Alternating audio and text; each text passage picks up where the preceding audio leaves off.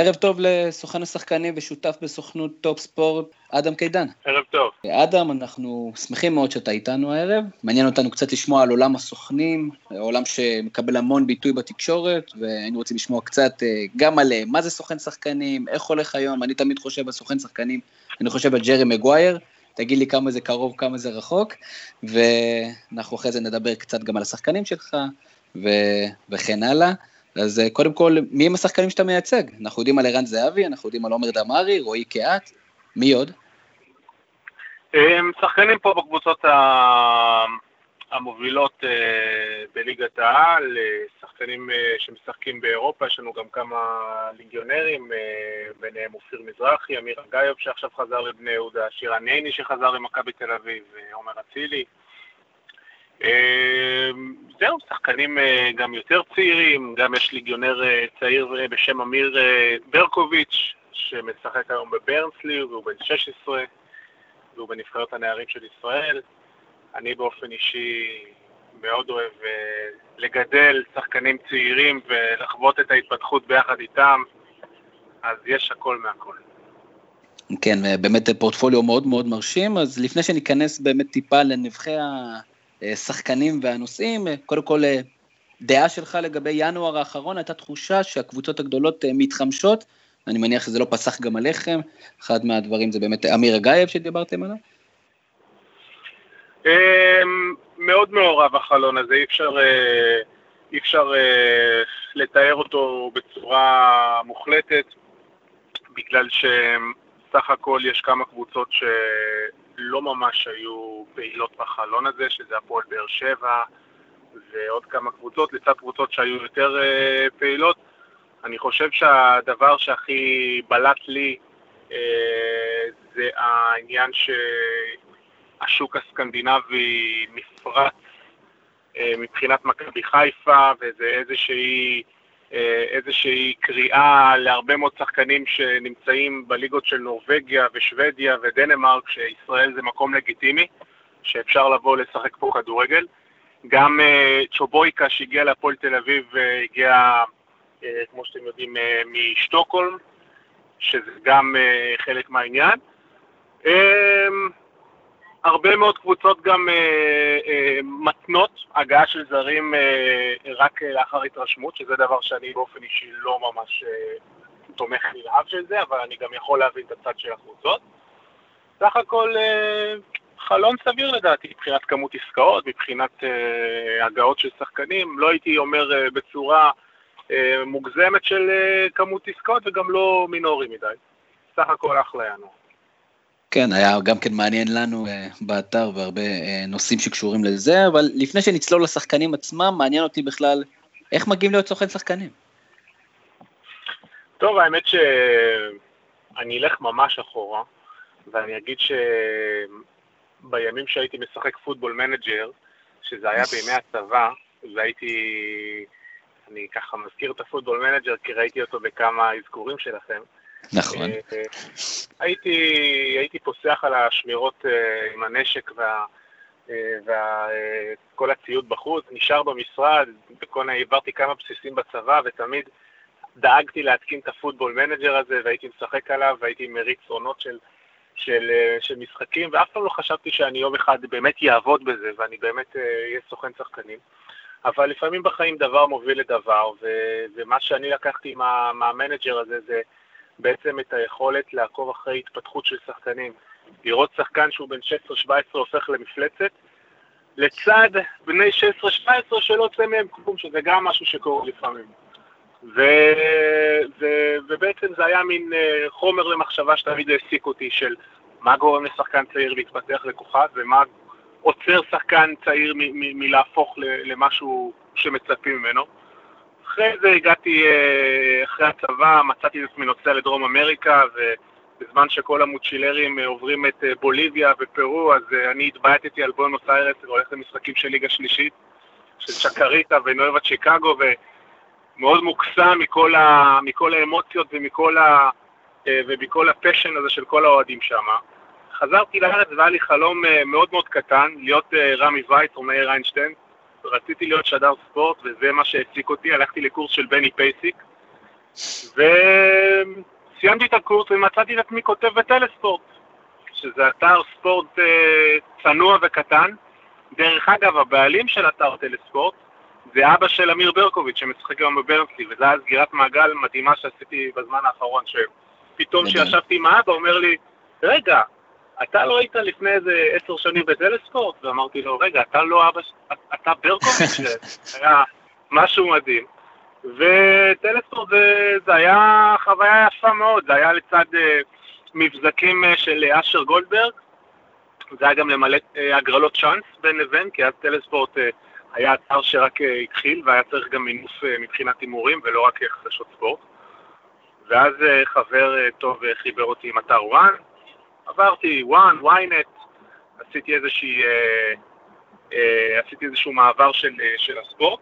ומשם התפתחתי, צמחתי, הכרתי את פיני זהבי, עשיתי בשבילו איזושהי חברת scouting, ואז הכירו אותי עם רונן וגלעד לפני שש, שבע שנים, והשאר היסטוריה. מדהים.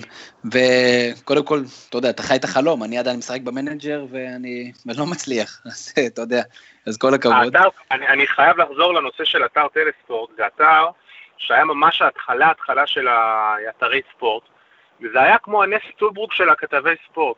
אני הייתי שם עובד עם, אה, עם רועי גלדסטון, שהיום הוא, הוא בערוץ הספורט, ועדי גלסקה, אשתו של אה, אלי אוחנה, והרבה מאוד אנשים שהתפתחו בתחום וצמחו, אורן קורנפלד מוואלה. ככה שזה היה איזושהי התחלה מאוד מאוד מעניינת מבחינה גם האנושית שם. לא, מי יודע, אולי בעתיד אנחנו נגיד אותו דבר על הזווית. אה, אם אני שואל, אתה יודע, כולם מדברים תמיד על סוכנים בזמן שיש העברות, מה קורה בזמן שגרה עם השחקנים? בעיקר uh, להכין את ה... להכין את, ה, uh, להכין את הקיץ, להכין את החורף, להכין תלוי לפני מה העונה.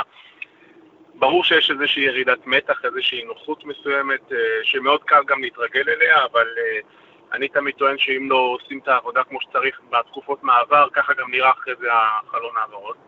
אז כן, צריך להחתים שחקנים חדשים ולעקוב אחרי זרים. ולטייל ו- ו- ולהתעניין, ו- וזה זמן גם uh, לשבת עם שחקנים שגם אם אין בעיות בטווח הקצר, אז יש uh, כן uh, סיבה להתעדכן ולעקוב ו- ו- ו- ולייצר עניין. ולא חסר עבודה, תמיד יש דברים לעשות ודברים שגם בשגרה היומיומית, ששחקן צריך משהו וקבוצה צריכה משהו, ויש הרבה מאוד עבודה. זה, זה קצת כמו ג'רי מגווייר, מגווייר באמת, או ראית את הסרט אני מניח. אני זוכר שלג'רי מגווייר היה שחקן אחד שמאוד מאוד מאוד אה, היה לו, הסרט התביית על, על הקשר ביניהם. בדיוק. אה, ואז גם לא היה אימייל אה, והכל שם חיכו לפקס כזה, ואני זוכר שהרעש של הפקס, יצא הפקס ונורא לקחו את זה קשה. היום זה פשוט משא ומתן בוואטסאפ עם דמאיו, זה מאוד מאוד פשוט. גדול.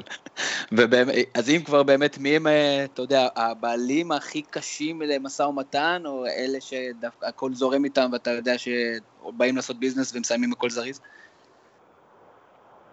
אני לא רוצה לתת ציונים אה, לגבי משא ומתן, אבל ברור שבסופו של דבר, המשא ומתן, במרכאות, הוא תוצאה של כמה קבוצה רוצה את השחקן. הרי בינינו, ברגע ש... סוכן מציע שחקן לקבוצה, אז איפשהו הכל מתחיל באיזושהי עמדת כוח אחרת. נכון. ואם uh, הקבוצה מספיק רוצה את השחקן, אז אני מאמין שהיא גם מראה את זה במהלך המשא ומתן. אז אני לא חושב שמי הכי קשה ומי הכי קל, זה מאוד שאלה של uh, כמה רוצים את השחקן ו... וכמה ביקוש יש לשחקן גם, במקומות כן. אחרים. ברור לחלוטין. אמרת מקודם שבינואר האחרון נפתח השוק הסקנדינבי, סיבות לזה זה קיארטנסון, או פשוט בגלל שהחליטו ללכת לכיוון הזה, או פחות כסף בליגות האלה פתאום? מה שינה אה. פתאום את הכף? מגוון סיבות. קודם כל, אה, אני חושב שההגעה של אה, קרלסן למכבי חיפה הכניסה איזושהי מימד של ביטחון במה שהוא בעצם מקרין לשחקנים אה, במקומות האלה, שהי, לא כל כך מסוכן פה כמו שאתם חושבים, ולא מתפוצצות פה פצצות. יש פה שריפות קצת בכרמל, כן? אבל חוץ מזה הכל סבבה, ואתם בכיף תבואו, והוא הצליח להביא שניים שלושה שחקנים, ותקשיבו, פרופיל של בלם נבחרת אה, איסלנד שמשחק ברוזנבורג, אה, ושחקן שהוא כובש פטים עזימי, אני לא יודע מה יהיה ממנו, אבל יש בזה משהו מרשים בשני חבר'ה האלה שהגיעו, על, לא משנה אם יתאקלמו או לא, אני, אני מדבר מבחינת הרכש עכשיו. שאתה לא מייצג אותו. לא, וחלוץ נבחרת אה, איסלנד שהגיע למכבי תל אביב, ויכול לספר לכם שאני אתן לכם פה סקופ לזווית, שגם אה, בלם נבחרת איסלנד בשם קארי אה, אנדרסן, היה קרוב מאוד מאוד מאוד מאוד לחתום בהפועל תל אביב, קרוב מאוד מאוד מאוד לחתום בהפועל תל אביב, ו... זה לא קרה בסופו של דבר, הוא כבר היה בדרך למטוס והוא עשה אחורה פנה, אז אה, אם הוא היה מגיע היינו יכולים לסמן עוד וי על איסלנדי וזה לא קרה. אז, אז פעם באה את הסקופים רק עסקאות שקורות, אם אפשר. זה מאוד יעזור לנו. אבל אה, יפה, בלם איסלנדי זה מדהים. בדיעבד זה יותר נוח. כן. כן. איזה עוד שווקים מעניינים? סקנדינבי זה מדהים. מה, מה עוד? מאיפה עוד אפשר להביא שחקנים? אין ספק שיש כאן איזושהי, אה, נקרא לזה, התחדשות של זרימה של שחקנים מהשוק הברזילאי. אה, אנחנו יכולים לראות את זה בהרבה מאוד עסקאות שהיו בסכנין, בהפועל חיפה, אם זה ז'ורג'יניו וכל החבר'ה שמה, המשיך אה, גם עם שחקן שאני הבאתי להפועל חיפה, להפועל אה, כפר סבא, סליחה, בחלון הנוכחי הזה, שזה ברון אנדרדה, שהגיע מפיליאנס ההולנדית, אני גם עכשיו בדרך לראות אותו, אני בדרך למשחק. אה, אני חושב שאי אפשר לסמן על איזשהו משהו מובהק.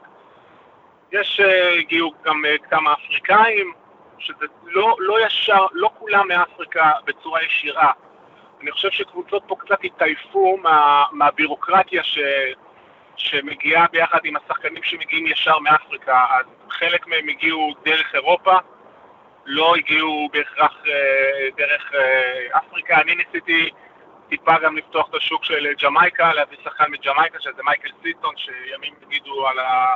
איך תהיה ההשתלבות שלו בהפועל תל אביב, אבל מגוונת כמו תמיד, ההגעה של השחקנים מגוונת כמו תמיד.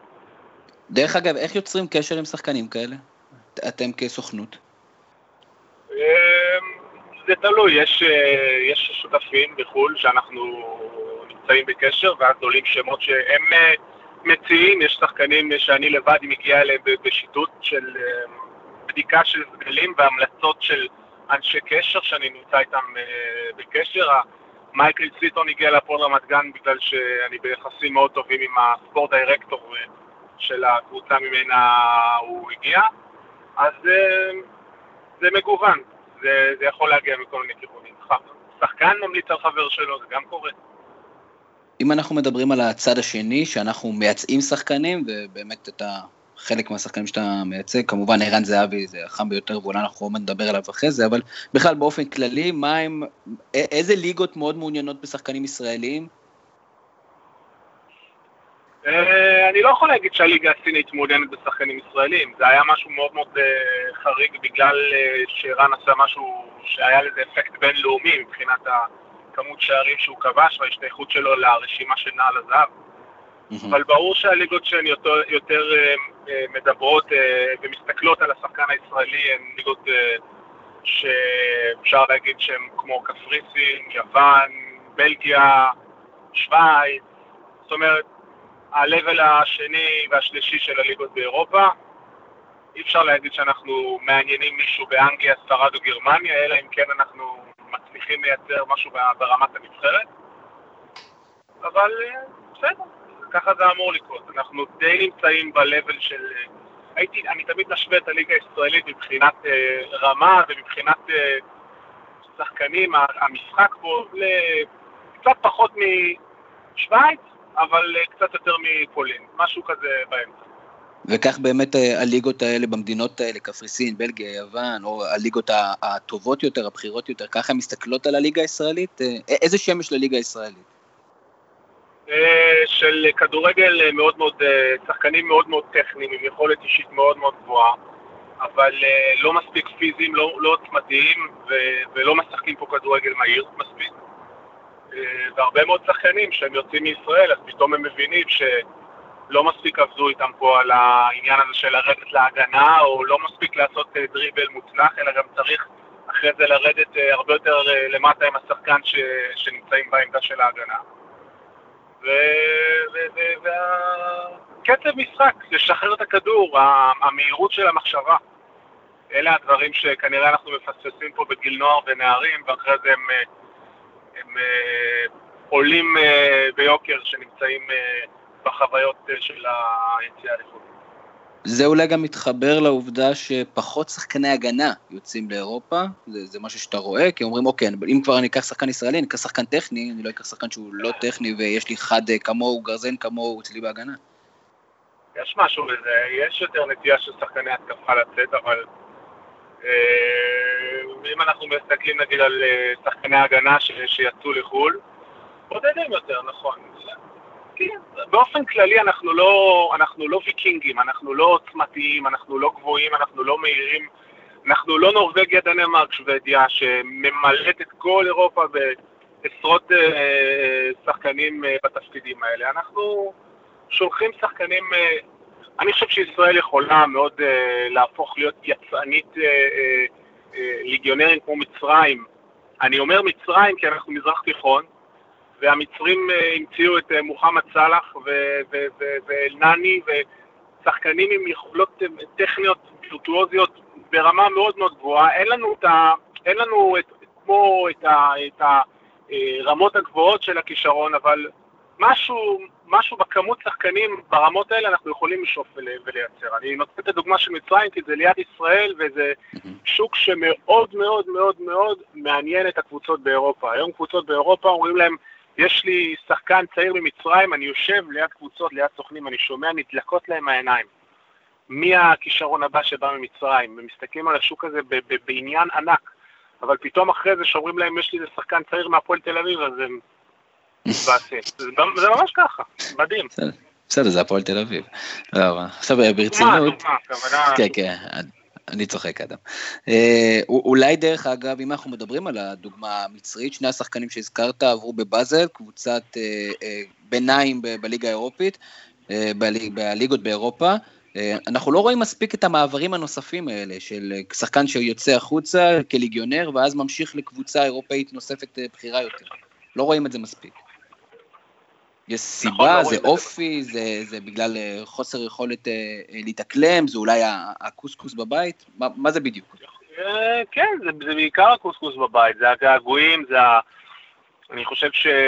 ששחקן יצא החוצה הוא צריך להיות גם שילוב של כישרון וגם אופי מאוד מאוד חזק.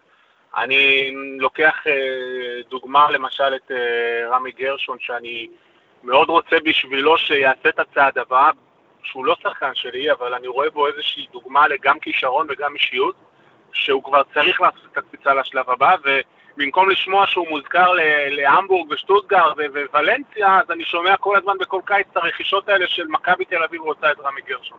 אז נכון. איפשהו גם זה שהשחקנים מוזכרים פה אה, בחלום לחזור לקבוצות ישראליות, אני חושב שזה איזושהי אה, העלבה לאינטליגנציה גם של השחקנים עצמם, כי מה יגרום עכשיו או תומר חמד ששמענו לא מזמן גם שמכבי תל אביב רוצה אותו. תומר חמד, השלב הבא שלו צריך להיות אה, אולי אפילו סין. כי אם הוא כבר נמצא איפה שהוא נמצא, אז תפנף את זה כלכלי. אוקיי, אז הנה, אלא אם כן אה, הקבוצה שלך תעלה, אלא אם כן הקבוצה שלך תעלה לפרמייר ליג, ותצליח אה, גם שמה להשאיר איזשהו רושם. כן, אני חושב שכרגע יש לו שם איזה בעיה. כן, כן, הם קרובים מאוד לעלות לפרמייר ליג, אני, הוא כרגע אבל חלוץ שלישי או רביעי, ושאלה אם כשיעלו לפרמייר ליג עם כל כך הרבה כסף, שאלה אם לא ישקיעו גם שם, אבל זה תומר חמד, נעבור לשחקנים שלך. אה, קודם כל, כמובן, אי אפשר אה, להתכחש, ערן זהבי, אה, גם לי עבורי כאוהד מכבי תל אביב, בכלל עסקה, עסקה נדירה, וגם החוזה החדש. ערן זהבי באמת הוא כזה משהו ענק בסין, או שאנחנו פשוט פרובינציאליים בצורה משוגעת? לא, הוא משהו, הוא משהו ענק בסין. צריך, אה, צריך להבין שאם אה, אה, לוקחים את מדד השחקן המשפיע ולוקחים, בוא נקרא לזה, כל מיני, נגיד, מי השחקן שהכי משפיע שעולה הכי פחות, אוקיי? נקרא לזה ככה, אני חושב שהוא אולי בין השניים שלושה הראשונים. כי מי שמשפיע בסופו של דבר זה מי שגם לוקח את המיליונים לכיס. לרוב, בסופו של דבר, והוא הגיע יחסית, שוב פעם, בהשוואה לשחקנים אחרים בליגה, כשחקן אה, עם משכורת, אה, זה מצחיק להגיד את זה, אבל מינורית איפשהו, כי הוא לא במרכאות אה, עושה את החבילות שכל הכוכבים הגדולים שהגיעו מהליגות הגדולות באירופה. אז לכן גם הוא מושך כל כך הרבה תשומת לב ועניין, ובגלל זה גם שודרגה לו עכשיו המשכורת. והלוואי, הלוואי שהוא יצליח עוד יותר השנה, הוא מביא המון המון כבוד וגאווה לשוק הישראלי, וככה זה היום עובד, חבר'ה, צריך להבין. לצערי, אני אומר את זה, בכל העולם, זה נורא עניין אופנתי. שוק קם ונופל על הצלחה של ליגיונר בודד. זה, זה, זה מטורף, אבל זה ככה. נכון, זה, זה ככה היה גם. זה מין, זה מין גם ככה היה עם מליקסון בזמנו בפולין. נכון. כן, שמישהו, שמישהו מצליח, אז פתאום נפתחות העיניים, ושמישהו נופל, אז uh, אף אחד לא רוצה לשמוע על uh, שחקנים ישראל. דרך אגב, אני ככה, אתה יודע, ניזון מהתקשורת, אבל אני מבין שאתה גם היית אחראי על המעבר של ערן זהבי לפלרמו בזמנו. איך נוצר הקשר עם ערן כן. זהבי? זה היה דרך הסוכנות, או שזה היה דרך קשר אישי? זה היה דרך... אה, היה לי שם קשר עם בן אדם מאוד חזק בתוך המועדון, וברגע שהגיע הצעה זה פשוט פנינו לערן זהבי, ועניינו אותו בזה, והוא הפיל את ההצעה של אה, ספורטינג ליסבון אה, בזמנו, כי הוא העדיף את פלרמו. ואתה האמנת למה שהוא הולך לעשות לליגה הישראלית ולמכבי תל אביב? לא, אני לא חושב שאף אחד ראה, ראה את זה בה, ממש לא. אני חושב שזה משהו שאף אחד לא יכול לבוא ולהגיד ערן זהבי הולך לפרק את הליגה הישראלית. הבן אדם לא שיחק בנבחרת הצעירה של ישראל, ולא בנבחרת הנוער. זה לא שהוא סומן אה, על יוסי בן-און החדש. הוא פשוט אה, לאט לאט, בצורה מאוד בטוחה, עשה את הדרך שלו תוך כדי תנועה, אבל אה, למרות ששוב פעם, מה, ש, מה שעשה אותו זה, זה, זה הווינריות שלו, הגולים המטורפים שלו. שפעם אחת הוא נותן גול אה, שמעלה את הפועל תל אביב לצ'מפיונס ליג, אז רואים וואו. שהוא כבר נותן גול בטדי, אז רואים עוד פעם וואו, ואז פעם שלישית רואים טוב, זה כבר כנראה לא וואו, זה כבר משהו שהוא בתוכו. זה כבר שהפעם הרביעית והחמישית והשישית, עם כל השערים שלו בצ'מפיונס עם מכבי, אז מבינים שיש משהו בערן שהוא מאוד מאוד מייחד אותו, וזה לא סתם. אין ספק, ערן זהבי זה, לא, לא יאמן הדבר הזה. ומישהו שכן נמצא אצלך בסוכנות אה, ועובר התחלת שנה לא פשוטה במכבי חיפה זה רועי קהת, וקודם כל מעניין אותי, כי אני קצת התאכזבתי, למה רועי קהת חוזר כל כך מהר מאוסטריה והנה שאני מבין שהוא סך הכל, בהתחלה בטח שיחק שם, היה יחסית משמעותי, לא ויתר מהר מדי? זה לא סוד שאני לא הייתי בעד החזרה של רועי, ואני חושב ש... אני אמרתי את זה גם, גם לרועי, ואני גם עכשיו חושב שיש אה, שחקנים שצריכים לעבור לפחות שנתיים בהתאקלמות של, של להגיע למועדון, ויש איזושהי, אה, כמו מין, אה, נקרא לזה, שנה ראשונה, שנת ההשתלבות. כן משחק, לא משחק, משחק עולה מחליף, משחק כן נכנס. שנה שנייה זה התקיעת יתד, זה אוקיי הרכב, ושנה שלישית זה ההתפוצצות של המספרים.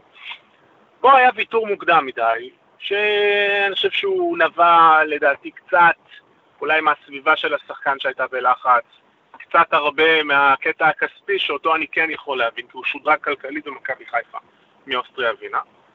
וגם איפשהו התפקוד שלו שם בקבוצה, הוא שיחק אה, בתפקיד שהוא קצת היה זר לו. אמ, ואם בסופו של דבר אה, זה שדרג אותו כלכלית והוא חזר שלם עם זה, אז מי אני שאני אגיד שזאת הייתה טעות? בסופו של דבר הרצונות של השחקן מנצחים את הכל. אין ספק, ואם אנחנו עוד מדברים על עוד שחקן שעשה דווקא התחלה טובה מאוד באירופה, וגם כן חזר אה, גם לאותו מקום למכבי חיפה, עומר דמארי, אי אפשר היה למצוא לו קבוצה אחרת שתתאים יותר למידותיו, אולי שוב לדרג השני אולי של אירופה, ששם אה, בהתחלה הוא עשה עבודה מאוד טובה? הוא, הוא, הוא כבר הקיא את העניין הזה של אה, אירופה, הוא, הוא לא... הוא לא, לא, לא, היה, לא אכפת לו כבר אה, אה, מה מגיע, מאיפה, ועד הרגע האחרון, יש לו שם אה, טוב מאוד באירופה, קבוצות התקשרו והתעניינו, אבל הוא רצה לחזור לארץ. זה היה או הפועל תל אביב או מכבי חיפה, בסופו של דבר, והפועל תל אביב, אנחנו יודעים שהם לא בתמונה, אז מכבי חיפה זה היה, זה היה מיועד להיות שם. היה על הפרק משהו ממכבי תל אביב? כן, מעניין. אז דרך אגב, אפרופו עוד מישהו שאולי רוצה לחזור הביתה, אנחנו פשוט לא יודעים מספיק, זה, כמו שאמרת, עומר אצילי, שעשה, לדעתי, החלטה מדהימה כשהוא עבר לתחתית הליגה הספרדית, הוא לא מקבל שם את ההזדמנות שהוא רצה. בוא נראה מה יהיה בקיץ, בוא נראה. כרגע הוא עדיין מנסה ורוצה, ואם הוא יחזור בקיץ לארץ, אז uh, אתה יודע, מן הסתם הוא יחזור uh, עם משכורת הרבה יותר גבוהה ממה שהוא יצא. אבל uh, בנושא הזה של עומר אצילי אני מעדיף לא להיכנס מהסיבה שבאמת הוא היום uh, נמצא עדיין ב... ומראה אישיות מאוד מאוד חזקה בהתמודדות שלו, הוא לרגע לא מוותר או עושה קולות של מישהו שנשבר, ההפך. מאוד מאוד uh, חשוב לו לנסות ולהצליח כל עוד יש לו את הצ'אנס הזה. אנחנו בהחלט מחזיקים לו את האצבעות, להגיע לליגה הספרדית זה לא כזה פשוט, אני מקווה שגם ייתנו לו את ההזדמנות להראות את עצמו. אה, אחד, אולי נחתום את הפרק הזה של השחקנים עם שחקן שאני מאוד מאוד אוהב, ורואים את האימפקט המיידי שלו, שרן ייני, שגם כן שיחק כדורגל, כן אה, בורג בקבוצה לא רעה בכלל, ומה, המון לחצים ממכבי תל אביב פשוט, שאמרו לו אנחנו רוצים שתחזור, או שהגיע הזמן שמיצינו את החוויה הזאת? שחקן כדורגל אה, באיזשהו שלב צריך לחשוב על איך הוא ממקסם את הרווח הכלכלי שלו בקריירה. וברגע ששחקן בגיל שלו ובמעמד שלו מקבל הצעה לחוזה ארוך טווח ממכבי תל אביב, הוא יכול להבטיח את העתיד הכלכלי שלו. זה, זה די הגיוני שהוא אה, שוקל לחזור לארץ. ואם אני לא טועה, היה לו עוד שנה בהולנד, ואף אחד לא מבטיח לו שעוד שנה מכבי תל אביב תרצה אותו כמו שעכשיו היא רוצה אותו. אז uh, הוא הלך לזה. הוא עשה... אני לא חושב שאף אחד ציפה ששירן יני ישחק כמות כזאת של משחקים שם ויצבור לעצמו כזה מעמד. הוא אמנם תמיד היה איפשהו לא בכותרות הגבוהות נקרא לזה, אבל תמיד הוא, הוא, הוא דווקא זה שכן שיחק תמיד וכן היה שם והכל, אז אה, מדהים. מה השם שנוצר לו בארץ כאחד שבאמת נותן את הכל עם כל היתרונות שלו, גם שמה. גם שמה. הוא לא נעלם שמה מהעולם. זה, אז, אז גם אצלנו, והעדות לזה זה גם כן כתבות אצלנו באתר, שמדברים על החזרתו של שרן ייני, וכאילו כאילו אף פעם לא עזב, גם המחווה היפה שעשה לו גל אלברמן והעביר לו צוות הקפטן, אני לא יודע אם זה היה מתואם, לא מתואם, אבל זה היה יפה, מראה על המעמד הגדול מאוד שיש לו באחד המועדונים הגדולים בארץ. אה, נחתום את זה, כי אני יודע שאתה עוד צריך אה, לצאת, אה, על, אתה יודע, אי אפשר לדבר על סוכנים בלי מלחמות הסוכנים, ובאמת הפופולריים ביותר מבחינת הרעש שהם עושים זה דודו דהן ואבי נימני, עושה רושם, רושם שהסוכנות שלכם הם אה, האחים קצב בראשם, קצת אה, מנסה להתרחק מהדברים האלה. כמה זה באמת נכון, כמה יש באמת את הרעשים האלה, ברור שיש יריבות ספורטיבית או יריבות עסקית וזה הגיוני. כמה באמת הדברים האלה מפריעים ביום-יום, ובאמת יש את הכותרות האלה, כמה נכונות הכותרות האלה לגבי מלחמות הסוכנים. סך הכל אנחנו מדינה קטנה, וכולם מכירים את כולם, והתחרות היא גדולה. אנחנו קודם כל עובדים מסודר ו... ברור שלפעמים יש התנגשויות, אבל אנחנו מעדיפים אה, לעשות את הדברים אה, רחוק מהתקשורת וגם בצורה, אנחנו לא אנשים של כותרות והולכים ומחפשים אה, רכש ולכלוך. אנחנו עושים את העבודה שלנו וההישגים שלנו וההעברות שלנו וההחתמות שלנו והשם שלנו מדבר בעד עצמו, וזה הדבר הכי חשוב. אתה חושב שאתם תוותרו על עסקה בשם האתיקה? אה, שאלת שאלה שאפילו עיתונאים לא, ש... לא שואלים, היא שאלה מאוד מאוד חזקה. אני יכול להגיד לך שבסופו של דבר, אה, אם אני אה, אצטרך לוותר על עסקה בשביל לא לפגוע בבן, בבן אדם או במישהו שמאוד מאוד חשוב לי, אני כנראה אעדיף לשמור את הבן אדם שאכפת לי ממנו, לצורך, לצורך החברות שלי או הנאמנות שלי עם אותו בן אדם. אבל כל מקרה לגופו, ואתה יודע, זה ככה איזושהי שאלה מאוד כללית, אבל אה, סך הכל אנחנו רוצים להיות קודם כל בני אדם לפני אה, שאנחנו סוכנים. אמן. אדם קידן, סוכן שחקנים, שותף בסוכנות השחקנים של גלעד ורונן קצר, טופ ספורט. אני רוצה להודות לך על השיחה הזאת, והמון המון בהצלחה. כן. תודה רבה. ביי ביי. ביי ביי. ביי ביי, תודה רבה. אז תודה רבה לכל מי שהאזין לנו שמה, ובכלל עוקב אחרינו בהזווית. הזווית.co.il. אנחנו גם בשבוע הבא נשמח שיצטרפו אלינו לפודקאסט נוסף. אני הייתי תמיר זוארץ, מאחורי הקלעים ברק קורן, ששום דבר בלעדיו לא היה קורה. שלכם לילה טוב. Show you the money. Oh, no, no, you can do better than that, Jerry. I want you to say it with you, with meaning, brother. Hey, I got Bob Sugar on the other line. Yeah, yeah, no, no, no. Show you the money. Not, not show you. Show me the money. Show me the money. Yeah. Louder. Show me the money. That's it, brother, but you got to yell that shit. Show me the money. I need to feel you, Jerry. Show me the money. Jerry, you better yell. Show me the money.